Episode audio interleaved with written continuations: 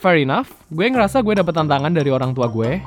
Dan hal sesimpel ini bikin gue jadi lebih total sih buat cari kerja. Kalau di Avengers itu udah kesannya kayak di Infinity War, yang semua hero ngomongnya whatever it takes. Yes, itu yang gue rasakan.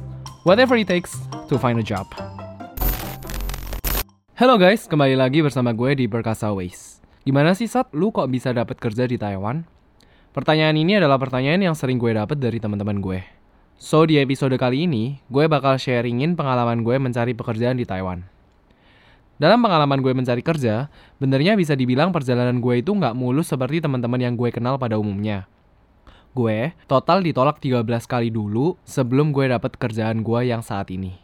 Ceritanya itu bermula di tahun 2018. Pada waktu itu, gue udah memasuki semester terakhir di kuliah gue. Gue ambil jurusan Information Management System. Buat kelas yang diambil, karena gue termasuk orang yang sebisa mungkin gak nunda, jadi pas semester terakhir, syarat kredit yang perlu diambil udah gue ambil semua. Terus, univ gue benernya tetap ada peraturan tiap semester mesti ambil at least satu pelajaran atau senilai dua kredit. Nah, karena semester sebelumnya gue udah ada magang di salah satu perusahaan di Taiwan, jadinya gue bisa pakai bukti pengalaman magang gue buat transfer jadi kredit univ. Singkat kata, gue jadi nggak perlu ambil kelas apa pun di semester itu, dan bisa gunain waktu di semester itu buat planning kehidupan gue setelah lulus kuliah cari kerja, dan kerjain hal-hal lain yang gue pengen lakuin. Nah, alasan terbesar gue kenapa memilih untuk cari kerja, karena gue pengen banget bisa full biayain kehidupan gue sendiri buat ngeringanin beban orang tua. Terus di sisi lain, gue juga gak ada ketertarikan buat lanjut S2 saat itu, soalnya jujur gue sama dunia persekolahan kurang ada interest. Jadi pilihan gue satu-satunya ya adalah bekerja.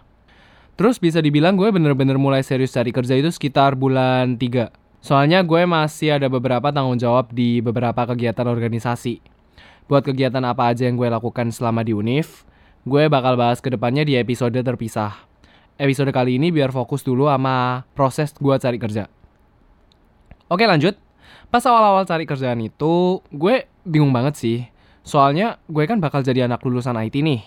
Tapi pada saat itu gue ngerasa gue seneng banget ngerjain video sama foto. Dan udah ada banyak karya yang benernya bisa jadi nilai plus gue buat apply kerja di bidang ini. Nah, akhirnya daripada stuck mikir terus tuh, ya gue langsung action deh.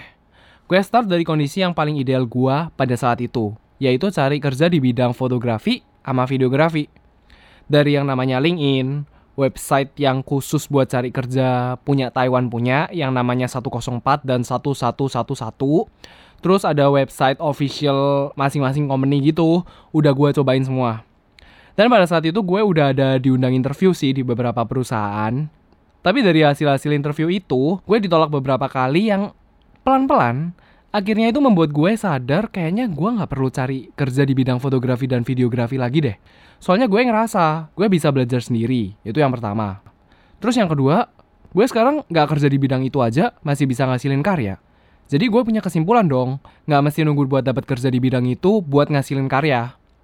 Dan alasan yang terakhir, ya mumpung gue baru fresh dari lulusan IT juga, jadi buat cari kerjaan di bidang IT, pasti lebih mudah dong. Nggak ada salahnya nih, belajar sesuatu yang menurut gue belum pernah gue coba. Nah, dari kesimpulan-kesimpulan itu, akhirnya gue coba beranikan diri untuk apply di bidang yang lebih ada korelasinya sama IT. Nah, akhirnya dari segi CV dan autobiografi segala macem, gue rombak ulang. Soalnya nggak make sense juga dong kalau misalnya gue mau apply di kerja di bidang IT, tapi pengalaman yang gue sebutin semuanya berhubungan dengan fotografi sama videografi. Nah, terus gue juga ada buat CV dan autobiografinya itu dalam dua bahasa, bahasa Mandarin dan bahasa Inggris. Karena pada saat itu gue juga baru belajar bahasa Mandarin selama 4 tahun, kemampuan menulis Mandarin gue juga ada batasnya. Ya jadi gue minta tolong bantu teman orang Taiwan buat bantu cek kata-katanya. Nah setelah semuanya beres, gue menemui masalah baru lagi nih pas gue coba cari di website khusus cari pekerjaan punya Taiwan yang tadi gue sebutin 10411111 itu LinkedIn dan kawan-kawan kerja di bidang IT itu ternyata masih dibagi jadi banyak banget dari jadi programmer, developer, sistem analisis, dan masih banyak lagi. Gue benernya juga bingung sih, gue lebih ke arah yang mana, karena gue nggak ada bayangan sama sekali soal itu. Dan sama seperti sebelumnya, ya udahlah daripada banyak mikir, take action dulu aja deh. Dan ya tetap ditolak, ditolak, ditolak beberapa kali sampai gue mayan desperate. Dari sini gue coba mikir ulang apa yang salah. Dan gue sadar mungkin karena sejauh ini yang gue apply itu lebih ke arah yang berhubungan dengan coding gitu. Sedangkan gue pas kuliah, itu nggak ada karya sama sekali yang berhubungan dengan coding. Ditambah ketika gue interview, dan dikasih soal yang berhubungan dengan coding, gue nggak ada yang bisa jawab. Jadi gue akhirnya mulai memfilter cari kerjaan yang berhubungan dengan IT, tapi nggak murni coding gitu. Bahkan di sela-sela itu juga, gue juga coba cari pekerjaan yang berhubungan dengan marketing. Soalnya menurut gue marketing itu ya at least paling mendekati interest gue. Dan pada saat itu ujung-ujungnya tetap sama. Pergi interview dan gak lama dapat kabar kalau ditolak. Nah, karena gue udah coba kirim ke ratusan perusahaan dan ada yang gak ngasih kabar, ada yang ditolak, gue jadi main stres dan desperate. Di tengah-tengah ditolak itu sebenarnya gue ada diterima sih di satu perusahaan. Tapi mungkin sama seperti mencari jodoh ya gue yang ngerasa nggak cocok gitu. Nah, di masa-masa desperate ini, gue akhirnya mencoba seopen mungkin sama family gue. Di satu sisi, gue dapat comfort dari family gue. Tapi di sisi lain, gue juga dapat kata-kata yang gak enak dari mereka. Mereka pada intinya ngomong gini, Duh, kamu ini ya, gak bersyukur. Udahlah, jangan piki. Ya diambil dulu aja. Jangan termakan oleh pemikiran idealmu. Gak dapat kerja bingung. Dapat kerja ya bingung. Ambil aja deh awal-awal dengar kata dari family gue, gue benernya malah makin down sih. Gue soalnya benernya bukan mikir ideal atau gimana, cuma gue percaya gue bisa dapet yang lebih baik. Akhirnya, karena feeling gue tetap gak serak, gue akhirnya gak ambil tawaran itu dan gue ada kasih tahu family gue. Pada saat itu kita discuss, dan gue inget kita discussnya lama banget. Tapi berakhir dengan konklusi yang sangat bijak menurut gue. Jadi gue dapet deadline dari mereka, kalau sampai pada tahun itu bulan 10 gue nggak dapet kerja, gue harus banting setir. Atau dengan kata lain, gue harus stop dari pemikiran ideal gue.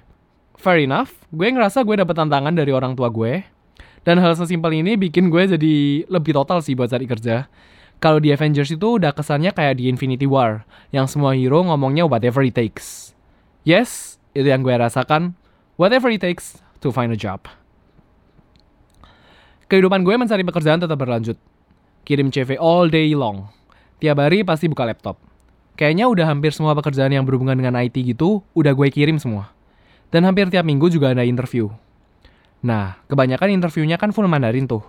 Dari yang awalnya interview paling pertama gue gagap dan malu-malu, sampai akhirnya gue udah tahu yang bakal ditanya itu apa aja. Dan bisa jawab di luar kepala dengan sangat seamless. Bahkan, gue kadang rasa lucu juga biasanya interviewer bisa tanya tuh, ada pertanyaan apa soal company-nya. Malah jadinya gue yang interview interviewernya. Soalnya semakin lama gue jadi semakin tahu apa yang pengen gue capai, apa yang pengen gue dapetin dari company-nya, dan apa yang kira-kira gue bisa kasih buat company yang gue bakal masuk nanti. Biar bisa saling menguntungkan kedua belah pihak dong.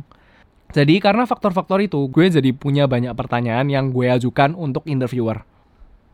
Dan sampai yang namanya hari wisuda datang gue benernya udah pandang sebelah mata sih hari wisuda dan gue datangnya akhirnya telat ya meskipun gue datang telat tapi gue tetap bersyukur karena untung orang tua gue itu datang ke Taiwan buat hadirin wisuda gue jadi at least gue masih bisa ngerasain gimana tuh suasana wisuda kalau enggak, gue kayaknya udah makin terjerumus oleh realita mencari pekerjaan. Ortu gue itu jadi ada datang ke Taiwan selama dua minggu gitu. Jadi, gue juga ada take a break buat cari kerja and having a family time. Benernya di tengah-tengah family time gitu, gue ngerasa masih ada perasaan gak enak gitu ya. Soalnya gue belum dapet pekerjaan. Jadi gue ngerasa gue bener-bener belum berada di posisi yang sangat aman. Nah, gue tipe orang yang cukup open sama bokap nyokap. Jadi gue ada feeling yang gak enak gitu, gue langsung deh ceritain ke mereka. Dan gue bersyukur banget punya orang tua yang beriman. Gue ngomong gitu kan ke mereka, gue khawatir nih gue gak dapat kerja Jadinya gue nggak bisa 100% enjoy banget sama family time. Terus, kata-kata mereka ini bener-bener bikin gue comfort banget. Gue inget banget nyokap gue ngomong, Udah nggak apa-apa Satria. Tuhan pingin sekarang Satria luangin waktu buat melayani orang tuanya. Ntar lihat deh, setelah mama papa pulang, pasti Satria dapat kerja. Kata-kata itu sejuk banget di telinga gue. Dan buat gue itu bener-bener bisa lega. Dan ya udahlah, gue memilih buat percaya sama kata-kata dari nyokap gue. Sampai pada akhirnya bokap nyokap gue balik ke Indo, dan gue lanjut buat cari kerja lagi. Gak lama dari kepulangan ortu gue, gue ngerasa ada something magical happens gitu. Soalnya, gue ada mencium bau-bau positif dapat offer kerja dari beberapa company. Ada beberapa perusahaan yang sampai undang interview beberapa kali, Dan gue udah jalanin itu semua. Dan yang namanya feeling nyokap itu nggak pernah salah ya. Nggak lama setelah ortu gue pulang, itu berarti sekitar bulan 6 akhir atau bulan 7 awal gitu deh. Gue ada dapat kabar dari tiga company yang main bonafit dan leading di masing-masing bidangnya. Satu itu posisinya jadi IT consultant di kantor akuntan publik, atau gue singkat jadi KAP aja deh. Terus satu itu jadi database engineer di perusahaan semiconductor, dan satu lagi itu jadi project planner di perusahaan manufacturer sepatu yang ada cabang di Indo. Nah, yang namanya orang itu memang gak selalu pernah lari dari kebingungan ya. Gue sekarang udah dapat tiga offer nih. Tiga offer yang fieldnya berbeda semua. Gue bingung lagi pilih yang mana. Soalnya semua memang ada positif dan negatifnya. Dari awal udah ada feeling yang positif banget dengan IT consultant ini. Tapi gue juga gak mau gegabah buat ambil keputusan. Gue doa dan tanya banyak orang karena gue berharap kerjaan gue yang pertama ini bisa jadi stepping stone yang sangat berarti buat masa depan gue. Jadi, itu buat gue ekstra hati-hati dan ekstra teliti banget. Saking hati-hatinya ya, gue sampai reach contact sama head department gue. Gue lupa istilah Indonesianya apa, kepala jurusan gitu mungkin ya. Mandarinnya itu yang pasti si Curen. Gue cari dia, dan gue minta insights dari dia. Pertemuan kita benernya singkat banget sih, tapi yang pasti kena banget. Gue datang ke ruangannya, gue nunggu dia, terus gak lama dia datang, bawa sebuah kertas sama pensil.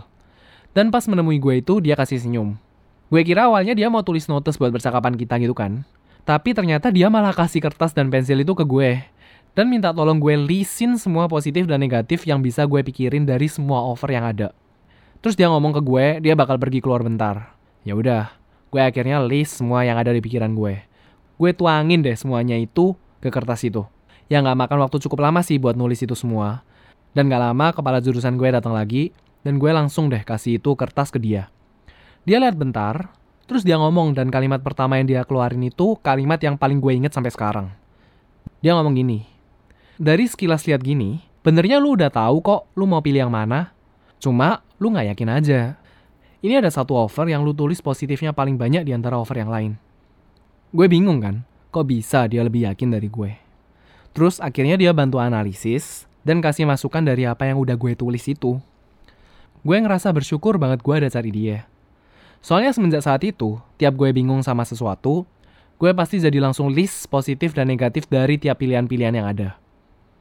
Dan yes, dari semua liku-liku perjalanan seorang satria mencari pekerjaan di Taiwan, dari yang nggak tahu mau ngapain dan mau milih pekerjaan yang seperti apa, kaku ngomong pas interview, ditolak beberapa kali, dapat kata-kata nggak enak dari orang tua, dapat offer tapi nggak serak, tapi itu semua nggak mematahkan semangat gue untuk tetap bangkit.